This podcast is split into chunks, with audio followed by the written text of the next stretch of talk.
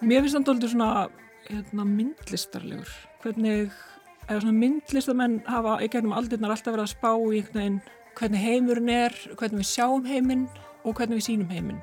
I love that in in visual art that you can the way you can play with the the kind of depth of field of storytelling. Komiði sæl. Við verðum í djúpinu í þætti dagsins. Við förum á Mýrina, alþjóðlega barnabókmentaháttíð í Norræna húsinu sem var að ljúka og ræðum við verkefnastjóra háttíðarinnar Veru Knútsdóttur og eitt þeirra höfunda sem voru gestir á háttíðinni, bandaríska ritthöfundin, leikaran og myndhöfundin Jessica Love. Og í djúpinu finnum við líka ítalska ritthöfundin Italo Calvino. Hundrað ár eru frá fæðingu hans og ný íslensk þýðing er væntanleg á bókinni Borgirnar ósýnilegu frá Brynju Kortes Andrésdóttur. Við ræðum við hana og fleiri um Italo Calvino og verkin hans. Ég heiti Jóhannes og þetta eru bara bækur.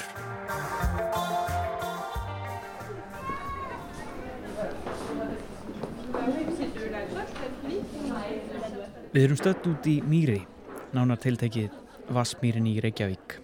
Vorum að stiga inn fyrir dyr Norrannahúsins og við ætlum á kaf í Mýrina en Mýrin er alþjóðleg barnabókmenta háttíð sem var að ljúka en hún hefur verið haldinn reglulega frá árinu 2001 til tví æringur sem hugsuð var sem mótvægi við alþjóðlega bókmenta háttíð í Reykjavík. Það er Mýrin félagum barnabókmynda háttíð sem stendur að háttíðinni og samanstendur af IBBI á Íslandi, Síung, samtökum barna- og unlingabókahöfunda, Ritthöfundasambandi Íslands, Háskóla Íslands, Borgarbókasafni Reykjavíkur og Norrannahúsinu. Hér kemur fólk saman frá hinnum ýmsu heimslutum, höfundar, myndhöfundar og þýðendur en líka fræðimenn, útgefundur og bókasatt starfsfólk til þess að ræða hugmyndir og bera saman bækur.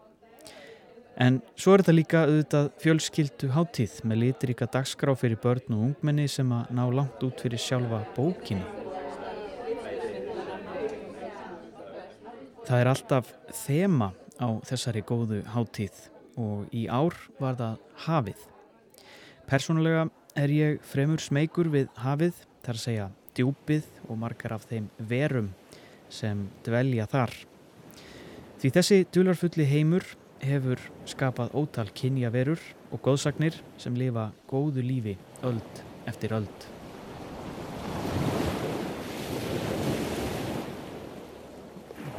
Ég heiti Vera Knútsdóttir og ég er verkefnastjóri Mýrarinnar, alþjóðlegar barnabókmyndaháttíðar og ég tek bara við háttíðinni í januar á þessu ári.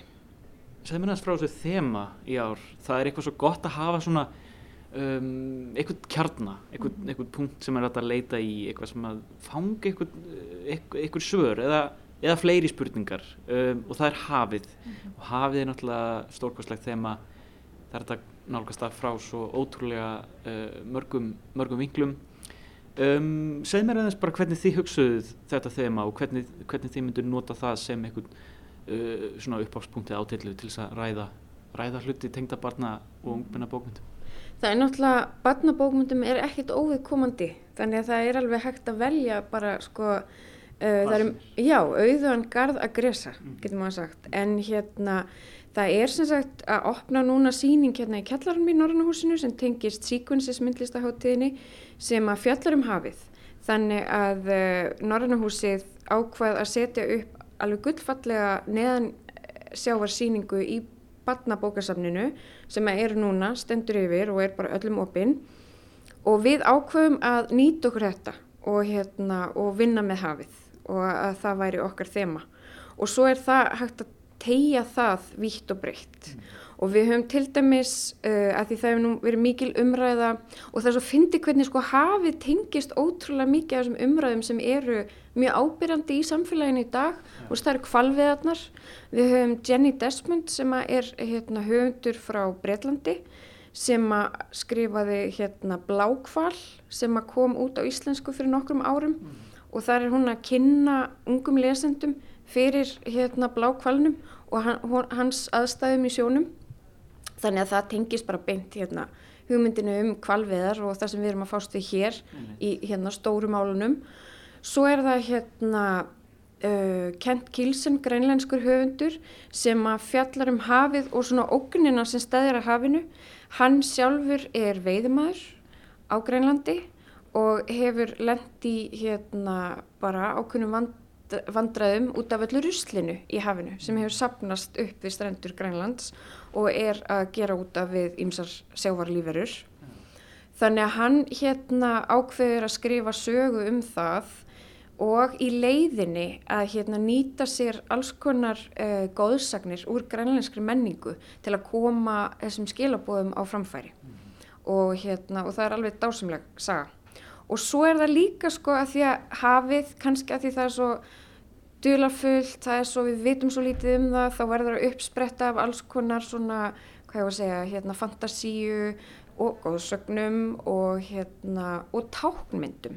Það er svo mikið af, þú veist, tákmyndum sem að eiga upphafsitt að reykja til hafsins og það er til dæmis hafmegan og hérna sagan um mann Júlian sem er hafmega eftir Jessica Love þar kemur hún inn á hvernig hafmegan hefur not, verið notuð í hérna uh, hjá uh, samkynheiðum, hjá uh, transfólki af því að í grunninn þá er hafmegan eða hafmanneskjan uh, hérna vera sem að hefur ekki kynfæri.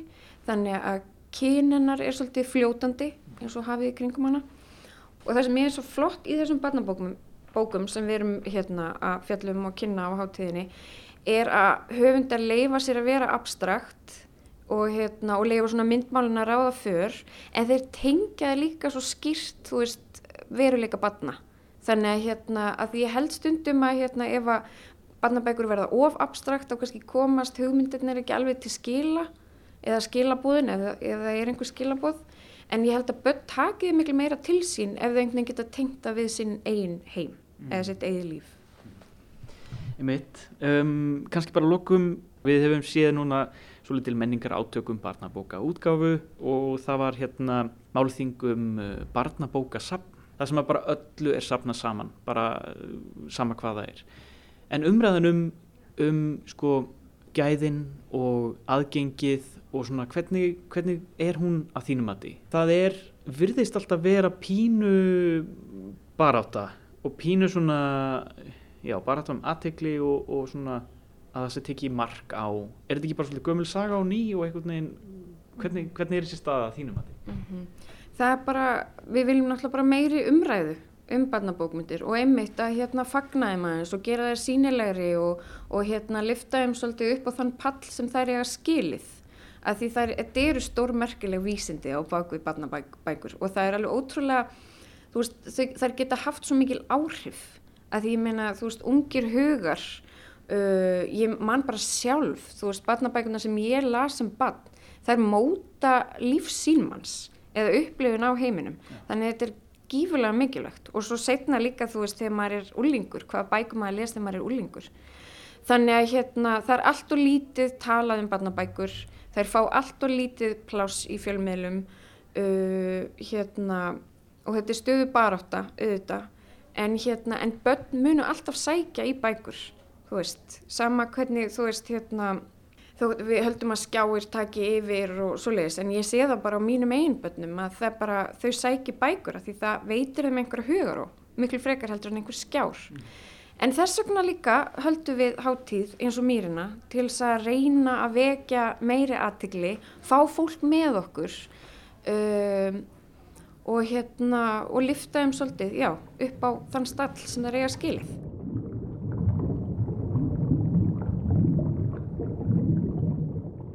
Einn þeirra sem sóttu háttíðina í ár er Jessica Love frá Bandaríkjónum en hún hefur fjölbreyttan bakgrunn meðal annars í myndlist og leiklist. Bækur hennar um Júlían hafa verið þýttar á fjölmörg tungumál meðal annars á íslensku og gefnar út af angustúru. Júlían er hafmeja, segir til að mynda af augnabliki þegar Júlían og amma hans eru saman í lest og koma auga á þrjár töfrandi konur klættar sem hafmejur. Julian átta sig ekki bara á því að hann er hrifin af hafmegjum, hann er hafmegja. Þetta er saga um það að fá að vera maður sjálfur, um samfélag og fjölbreytileika. Þetta eru snarpar sögur og afar myndrænar, orð eru næstum óþarfi. This is a boy named Julian. And this is his abuela. And those. Á fyrsta degi mýrinar, málþinginu, fekk ég Jessica til að setjast niður með mér og segja mér svolítið frá sinni listsköpun í bókunum um Julian og spurði hana hvaðan þessar personur spruttu til að byrja með. Og ég spurði hvort personur og leikendur af hennar starfi sem leikari hafi haft áhrif. I think my work as an actor has heavily influenced the way I think about story, the way I think of the way I'm interested in, or the, the angle from which I, I come. Mm. I think I, I tend to think of character first, and I tend to think of character, maybe, I don't know, you might say from the outside in or from a... Jessica segir að leikaravinnan hafi mótað það hvernig hún hugsar sögur, úr hvaða átt hún kemur þegar frásagnir eru annars vegar. Hún hugsar personur fyrst, í raun utanfrá, personan í heild sem líkamleg vera. Vinnan við bókina sjálfa er líka í sama anda. Bókin er flöt eins og leiksvið og Jessica segist líta á söguna, sérstaklega í myndabókum sem leikrita handrit. Ólíkt skáldsögum sem fullornir til dæmis lesa eru margar barnabækur lesnar aftur og aftur.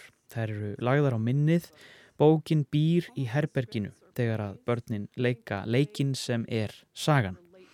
Þau leika personu í þeim heimi Það eru áhrif leiklistar bakgrunnsins, segir Jessica, en personunar eru ekki þaðan. Þær komu full mótaðar til dýrana eins og þær eru klættar.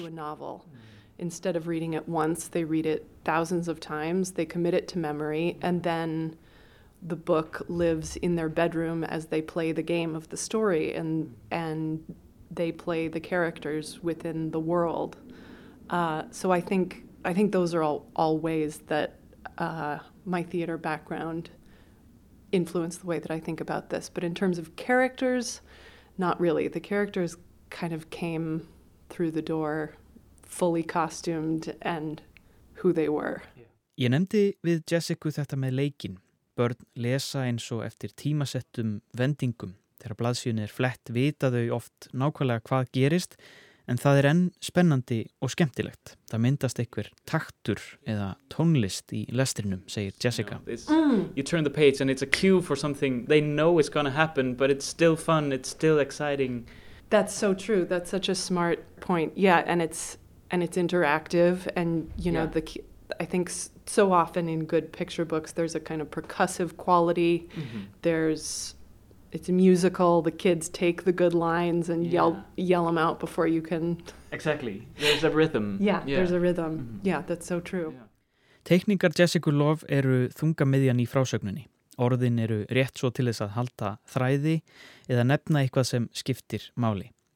Í viðtali við Solveig Ástu Sigurdóttur á málþinginu í Norrannahúsinu nefndi Jessica frelsið í bókinni sem er að mörguleiti ólíkt kvikmyndum til dæmis þar sem áhórandin er leittur með aðeins styrkari hönd í gegnum frásögnina. Í bókinni er allt örlítið óljósara og opnara og var það ástæðan fyrir því að hún valdi bókina.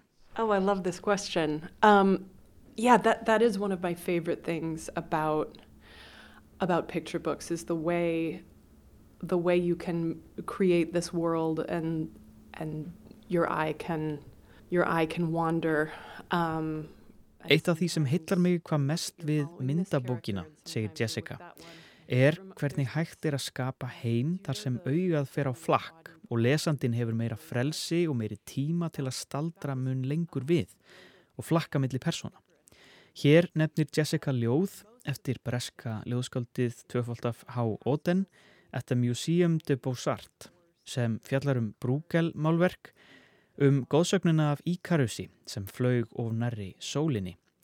En stærsti hluti myndarinnar, segir hún, er af landslægi í sveit, af manni á hestvagni með þreytulegan hund, en í fjarska Í bakgrunninum úti á hafsauga sést pínlíti skip og tveir hvítir fætur, veru sem fellur ofan í sjóin.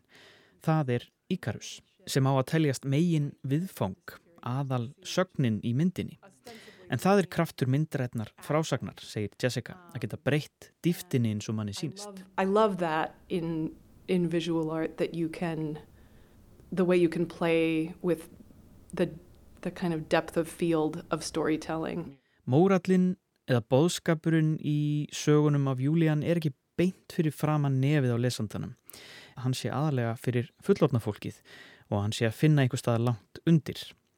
Hún vísar í því skinni í kvikmynd Ingmars Bergman, Fanny og Alexander og ræðu sem fjölskyldu fadirinn í sögunni heldur þar sem hann segir að litla leikhúsið sem hann rekur sé lítill heimur fullur af ást og kærleika sem stundum endur speiklar stóra heiminn fyrir utan. Það er svo tilfinning sem Jessica Love vil fanga að bækutan hennar séu eins og leikhúsið í Fanny og Alexander. Eitt af kvörfunum í Julian er Hafmea er augnablík þegar Julian er nýbúin að snúa öll á kvolv í stofunni hjá ömmusinni á meðan hún lág í baði. Pottaplantan í stofunni er orðin hárkotla og glukkatjöldin að Hafmeiu sporði. Spennan í atriðinu er þegar við sjáum ömmugömlu stíga úr baðinu og hvernig hún horfir á útgangin í stofunni, íhugul á sveip og lesendur vita að hugsanlega sé Júlían í klípu. En það fer eftir því á hvaða aldrei lesendur eru, af hvaða ástæðu amman gæti orðið reið. Well, that's sort of the fun of writing for, that's a fun thing that I, I realized you, you can kind of deploy when you're writing for both children and grown-ups is adults come with all of this infrastructure. Yeah, package. yeah, this whole package of assumptions and um, and dread, and kids. The younger you get, the less of that is built in, Mhm. and so I wanted the story. I didn't. wanna Þetta er það skemmtilega við að skrifa, bæði fyrir fullortna og börn. Eldri lesendur koma að bókinni með sinn böggul, sína innbyggðu lærðu hugsun, álektanir og óta, en því yngri sem lesendur eru því minna er af því. Jessica segist ekki hafa viljað skrifa sögu þar sem börn kæmust að því í fyrsta sinn að það gæti hugsanlega verið eitthvað vandamál að klæða sig svona upp. Hún vildi að börn kæmust í gegnum bókina án skammar eða óta. En þess vegna skiptir augnablikkið þar sem amma sér Júlían í hafmeyju klæðunum svona miklu máli þegar við erum einni flettingu frá því að sjá viðbröðin. Út frá sjónarhóttni Bartsins óttast Júlían að amma sér reið vegna þess að hann í leifisleysi rústaði pottaplöntunni og reif niður gardínuna. En ekki vegna þess hvers konar búning hann klætti sig í. Fullorna fólki les eflaust öðruvísi í þessi andartök og óttast að heimur ömmugömlu muni hrinja. got into her stuff and trashed her apartment, but not because the kind of costume he built is on the femmier side, but more because he got into all her stuff without permission. Mhm. But then adults who are reading it have They hold their have breath. been in the world and are holding their breath for an entirely different reason Yeah. because they're scared the world is going to come down.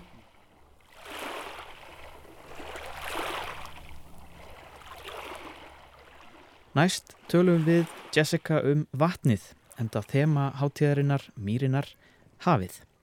Vatn kemur mikið við sögu í Júlíanir Hafmeja.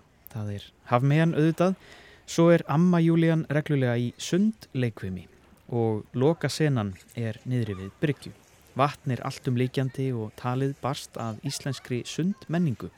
Við þekkjum það flest hér á Íslandi hver stórt hlutverk sundlaugar leika fyrir samfélagið og hvernig þar séu allir eins, hálfnaktir og berskjaldadir og matla í sömu laugin.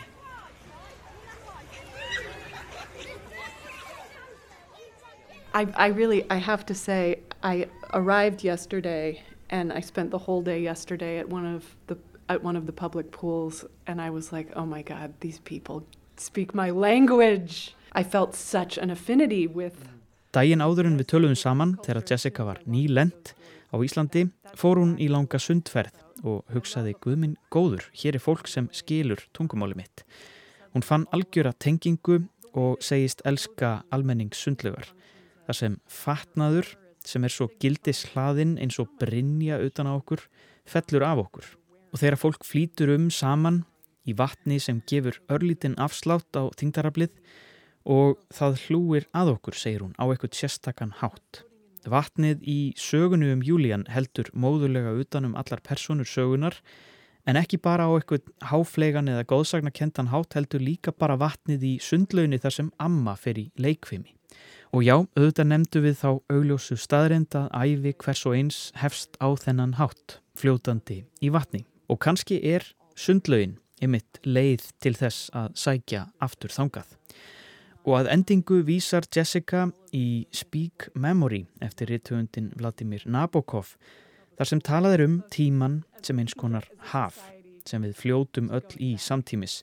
Í stað þess að hugsa um tíma sem beina línu ættu við að hugsa um hann sem haf. Nabokov talks about how time is a kind of ocean that we're all floating in at the same time. So rather than thinking of it as a as a straight line, more of a more of an ocean and I've always loved that image and I wanted I wanted this book to feel like like that.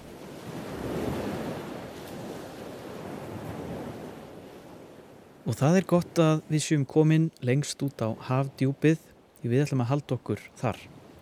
Hundrað ár eru frá fæðingu ítalska rithöfundarins Italo Calvino og ný íslensk þýðing á verki eftir hann leynist í jólabókaflóðinu í ár.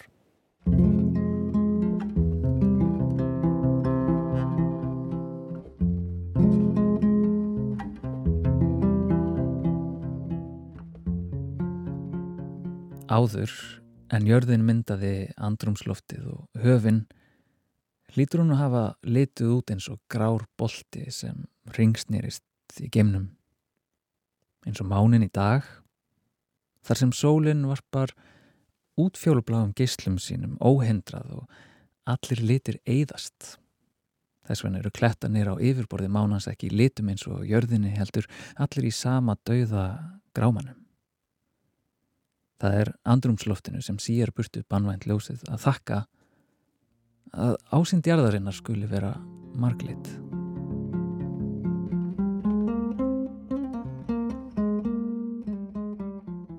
Svona hljómar upphafið að smásögunni Litleysið eftir Italo Calvino.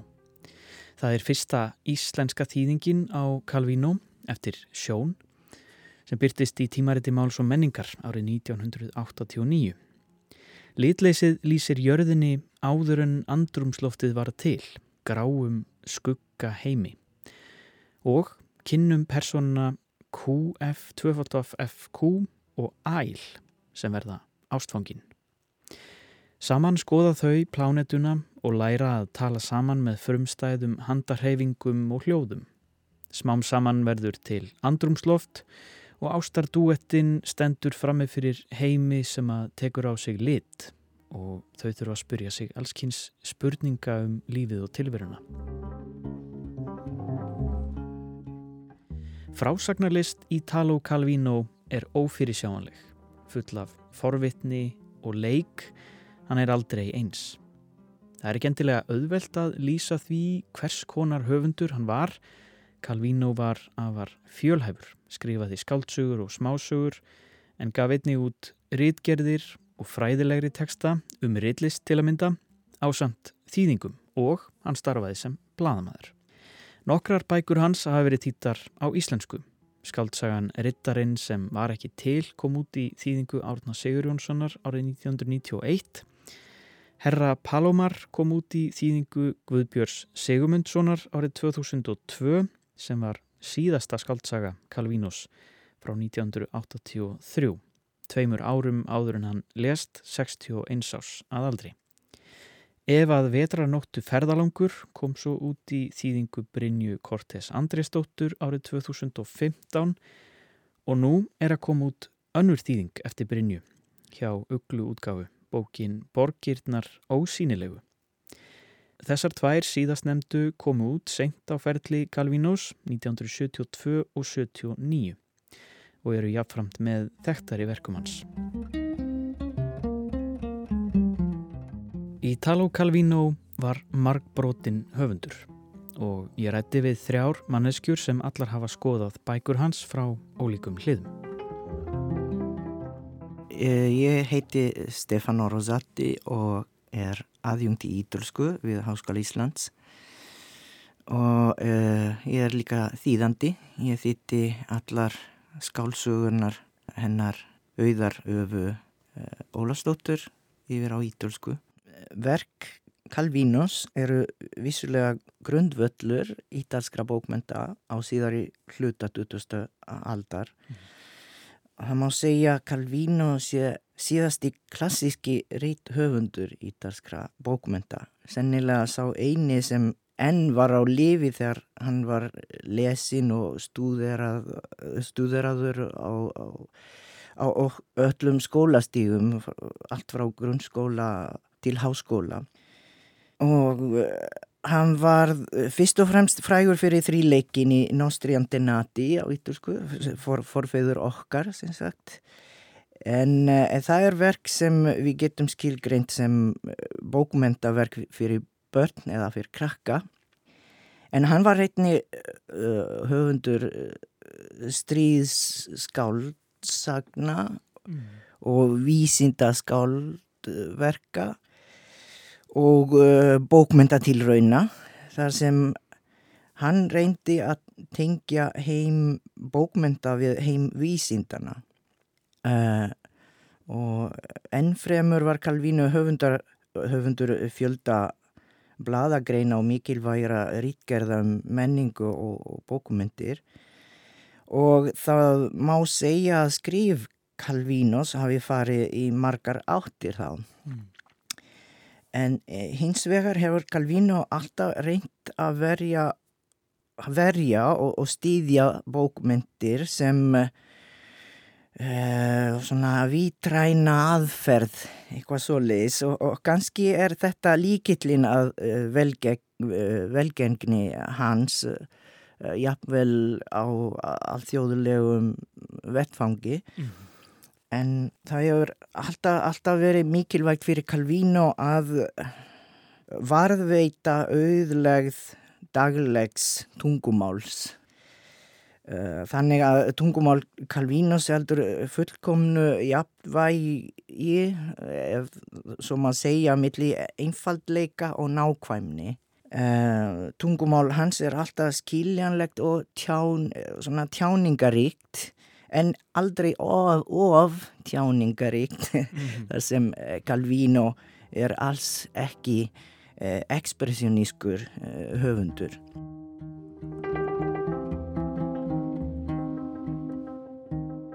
Á fyrirluta sjönda áratugurins var Calvino mikið á faraldsfæti. Hann dvaldi í París, fór til Kúbu og setti stað í Róm í fáin ár og svo aftur til Parísar 1967 þar sem hann var að mestu búsettur til 1980. Og þar fer hann smám saman inn í setni hluta uh, bókmynda rannsókna sína, ef við getum sagt það. Uh, í París sækir Calvino málstofur Roland Barthes mm. uh, í École Pratique des Hautes Études E, sem er á þessum árum mikilvægasta miðstöð e, struktúralismans og, kem, og Calvino kemst í samband við Poe e, sem stendur fyrir Ouvroir de literature potentiel það er að segja vinnustofa hugsanlegra bókmenta eitthvað svoleiðis mm. Ólípó er hópur rít höfunda og starffræðinga uh, sem stýður hugmyndi hum, svona hugmyndina um og kalla þingaða rítun uh, í bókmyndum. Mm. Það þýðir að ríthöfundunni verður að setja reglur og takk markanir á sjálfan sig eins og í leik Og í þessum hópi eru rítuhöfundar að borðið Georges Perec, Raymond Queneau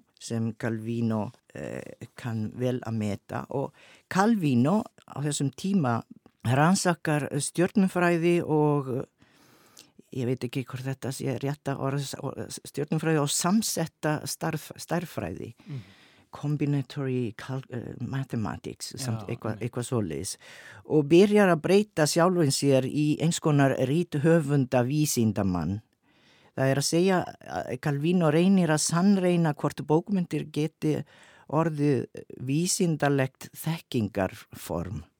Og mikilvægustu verk hans á þessum tíma, þessu tímabili eru vissulega Città Invisibili borga, eh, borginnar ósynilegu sem, sem kemur út 1972 og Se una notte di inverno viaggiatore á vetranóttu eh, ferðalangur sem er sem kemur út 19, 1979 og en, en, en öll verkin sem hann skrifar á, á Parísartímanum fætust inn í hinni svo köllu rít höfunda rannsókna stofu eitthvað, eitthvað svo leiðis með skípulög mannvirki þeirra samsetningum og samskeitum eh, talna og, með reglum sem Calvín og setti sjálfur og, og öll verk hans eru eins konar vitsmunnaleg tilraun á, á möguleikum og, og, tak, og tak, möguleikum og takkmörgum rítunar.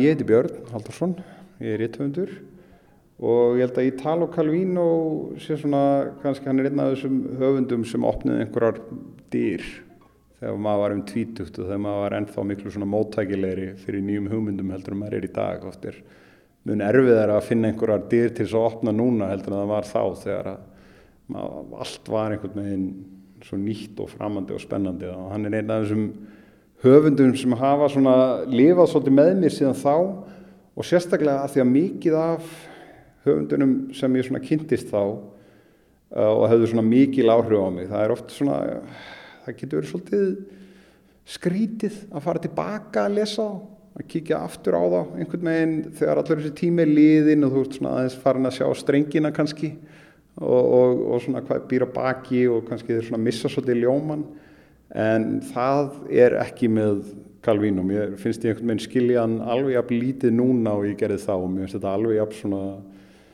töfrandi og framandi og, og stórkostlegt eh, bækutinn hans og skrifin hans og ekki síst greinaðan hans líka um, um rillist og um skapandi skrif og annað slíkt og um bara hvað þetta, hvað þetta fyrirbæri skáltsaðan og ekki bara skáltsaðan, bara það að segja sögu og, það, og skrifa sögu fyrir einhvern veginn að lesa hversu stórkostlegt fyrirbæri það er og hvað hefur í rauninni sterk og mikil áhrif á, á heiminn fyrir utan skáltsöguna.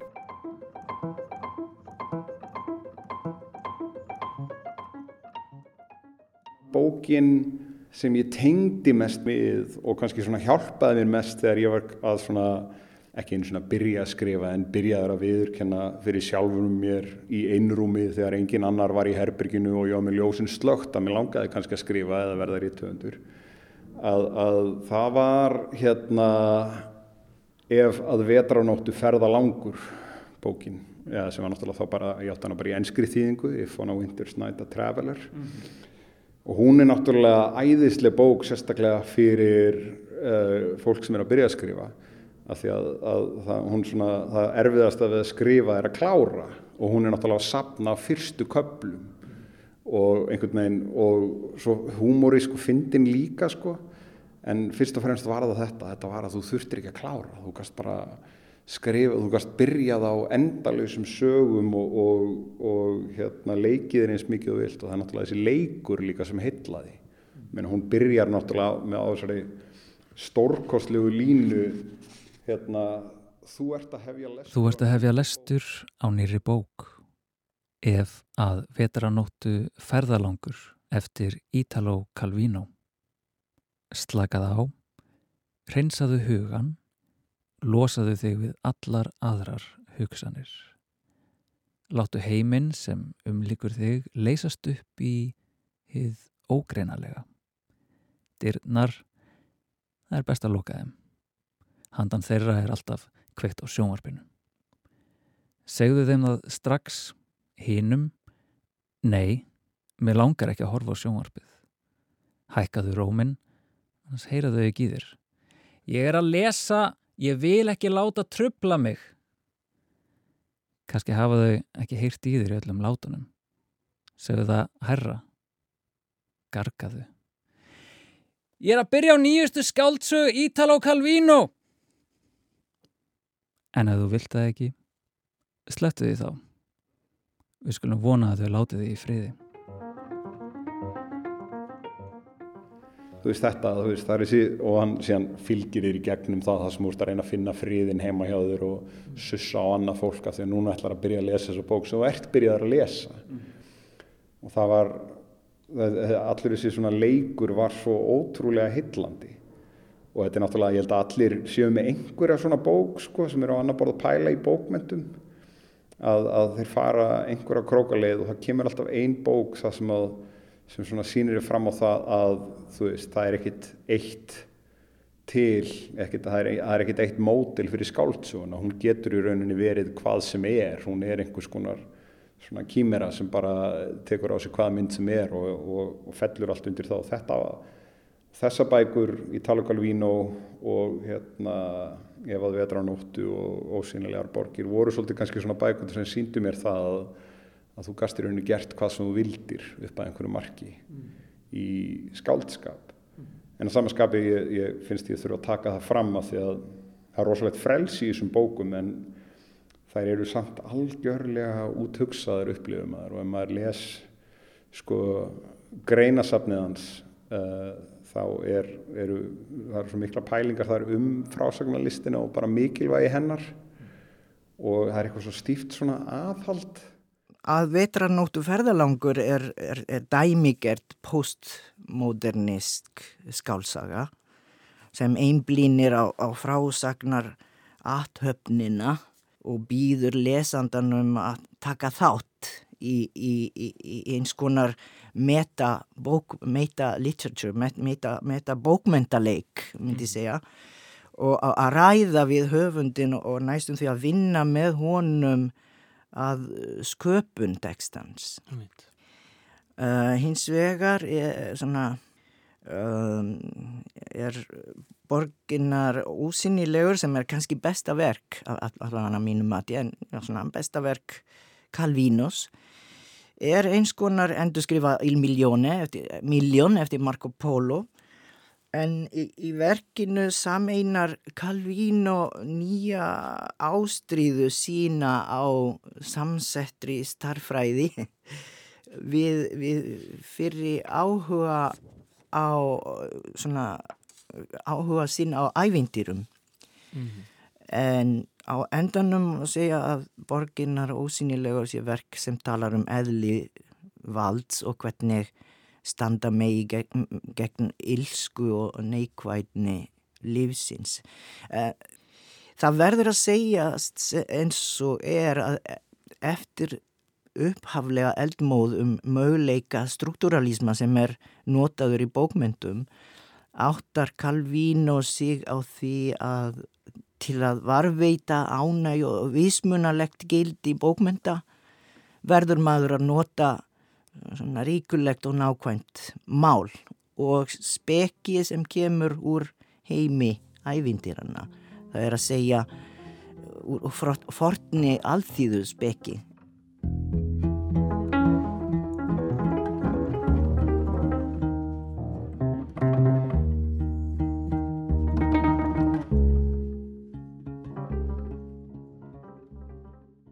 Borgir og minni eitt Þaðan leggur maðurinn í þryggja daga ferðalag í austur og kemur til Díómíru, borgar með 60 kvelvingar úr silfri, bronsstittur af öllum guðunum, tínilagðar götur, leikús úr kristal og gullhana sem galar á hverju morni efst á turni. Alla þessa fegurð þekkir ferðalangurinn því hann hefur séð hana áður í öðrum borgum. Sérkenni þessarar borgar felast í því að sá sem kemur þangað að kvöldi í september þegar dagarnir stittast og ljós kvikna á marglitum lömpum yfir dýrum steikingarhúsana og hvernmannsrött rópar ofan af svölum Öh! Öfundar þá sem finnst þeir hafi áður lifað kvöld eins og þetta og að þá hafi þeir verið hamingjusamir.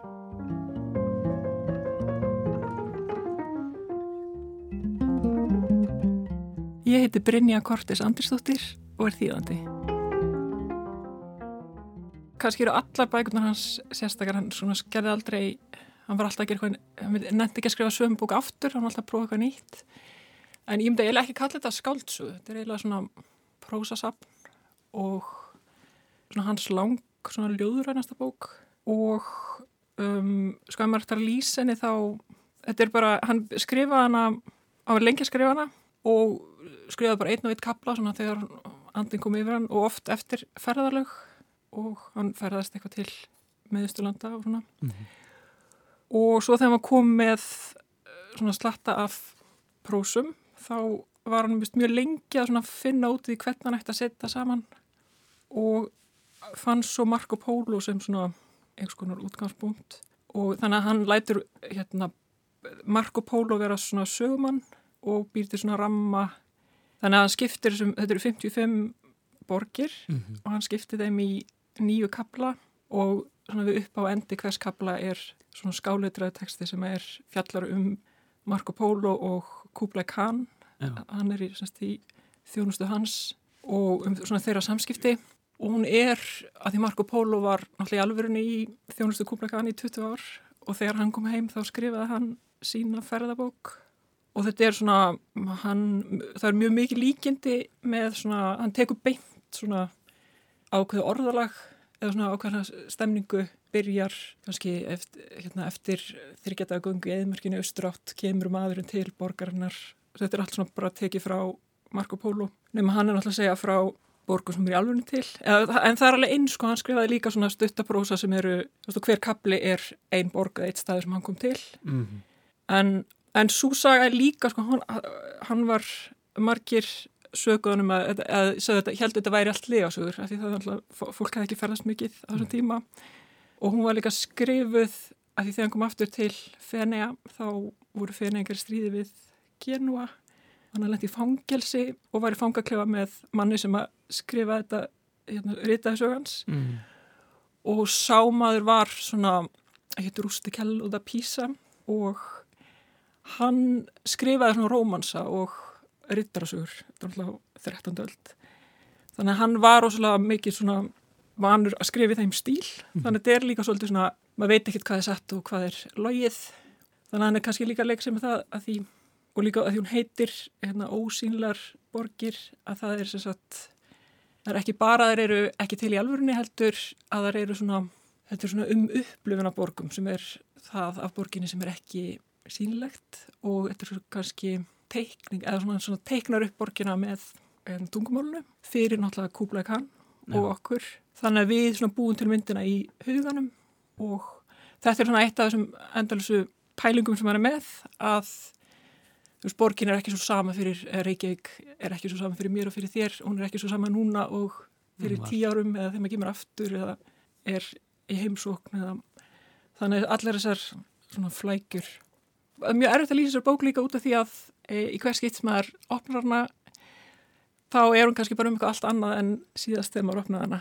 Og líka að því borg, að því hann kemur öllum sínum pælingum að og er að fjalla um svona e, bara reynslu og lífið einhvern veginn en borgin er einhvern svona tákn bara fyrir, hún er svo flóki tákn þar það koma öllu fyrir inn í, í, í því. Og þetta er svona kannski bara um hið manngerða eða samfélagið og líka þessa sem að Calvin var alltaf mjög upptökin af þessi svona um, spennu á milli þess sem er svona skipilagt ákveðið og svona geometríst og svo allt svona þetta kátíska sem það fylgir okkur fólkinu. Ég held að sé myndmálið fyrir ekkar en svona sem ég tengi mest við allavega í minningunni þegar ég var fyrst að lesa þetta, þú veist, þegar ég var um 20 og svona hafði bara aldrei lesið neitt þessu líkt skilur, ég hafði aldrei þekkt svona bækur eða kynsteim mm. einhvern veginn. Og það var hvernig, að líka bara þetta svona að, að geta dreyið upp svona stórar myndir svona stórar og skýrar myndir í svona fáum dráttum, meina hver texti er bara, er innan við einn blaðsíða.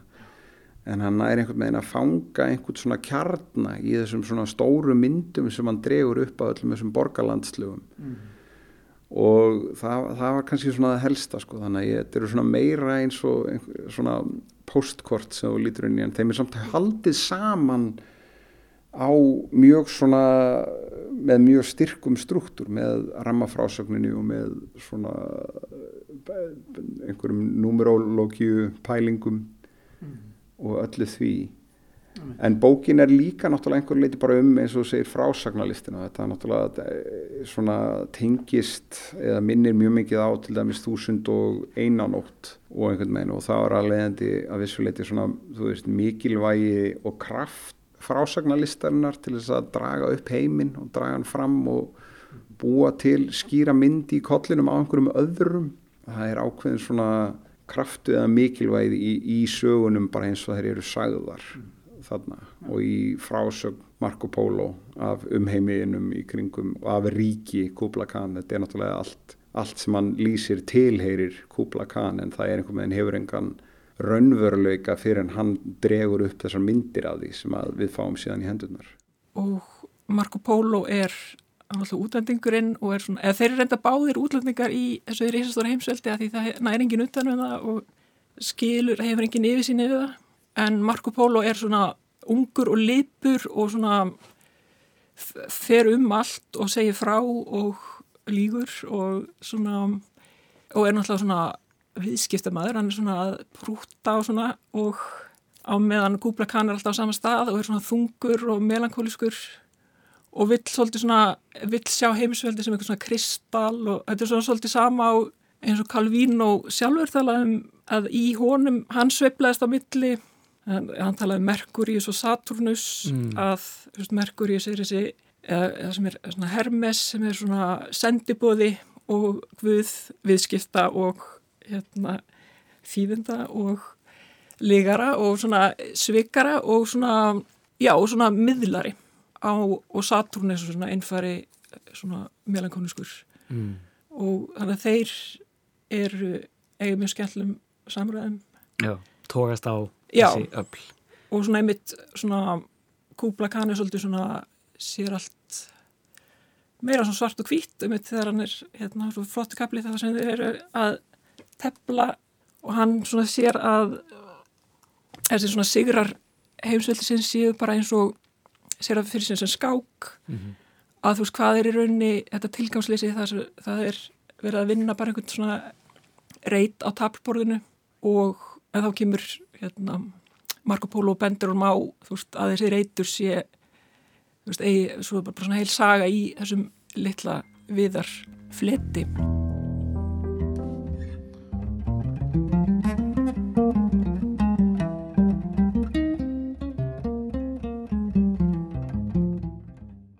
hann er náttúrulega ekki, hann er ekkert að segja einhverja svona hérna, áhrifmækla sögur á lífi fólks eða að kafa í sálar lífi, sko, hann er einhvern veginn, mér finnst doldið svona hérna, myndlistarlegur.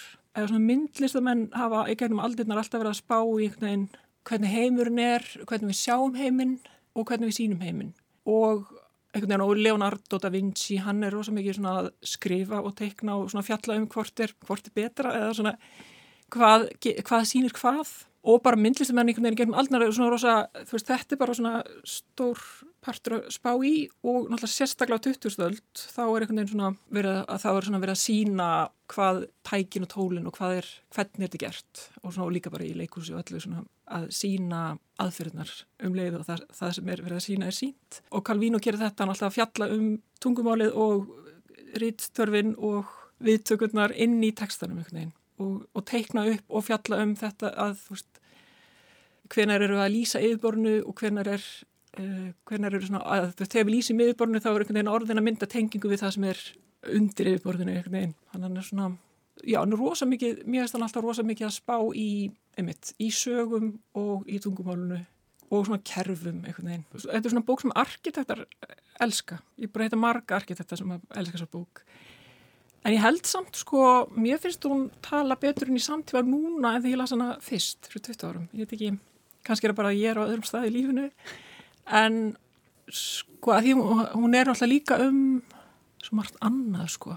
En ég held að hann er einn af þessum höfundum að sem ég les óskáldaði efnið hans og greinarnar og rítgerna því hann skrifaði mjög mikið um skáldskap og frásaglalist og bókmentir og allt mögulegt. Mm. ég les þær til að svona hjálpa mér út úr ógöngum en ég held ég lesi bækurnar hans miklu meira bara fyrir hughrifin sko. og það er erfitt fyrir mig að svara þessari spurningu af því að það er bara þannig með þessa höfunda marga hverja sem þú kynnist á þessum svona ótrúlega móttækilegu árum upp úr tvítugt og, og yngra líka táningur og eitthvað slúðis og hann var einn af þeim höfundum hjá mér sko. Er að, hérna, minnur William Haslett talað um það að það að lesa gamlar bækur var að heimsækja fyrri sjálf veginn, og ég er með svona, ég með nokkra höfunda sem ég á bara fyrir eitthvað erfitt með að lesa af því að ég, eina sem ég hugsa um því ég les þá er bara hver ég var því ég var 20 og var að lesa það í fyrsta sinn sko og hver svo manneskja var mm. en það er ekki þannig með Calvino Calvino er einhvern veginn og ég held að það sé af því að kannski með suma þessum hinnum höfundum sem ég las, þú veist, og nefni ekki nöfn, þá svona, finnst mér ég kannski vera búin að svona skilja það núna og sjá myndina sem heild og svona átta mig á því nokkur veginn hvað þetta var og svona og, svona, og, kom, og vera komin komin yfir það svolítið en það er aldrei þannig með Calvino að mér veist ég aldrei skiljan til fulls og mér veist ég alltaf í hvert eins og ég les bækutan hans þá einhvern veginn fell ég eilítið í stafi sko. og, mér þykir mjög vænt um þannig lestur og þannig bækur af því að, að bókmyndir eiga fyrst og fremst að, að mínum skilningi er ánægjan að því að lesa bara ef við missum hana þá getum við bara glemt þessu sko.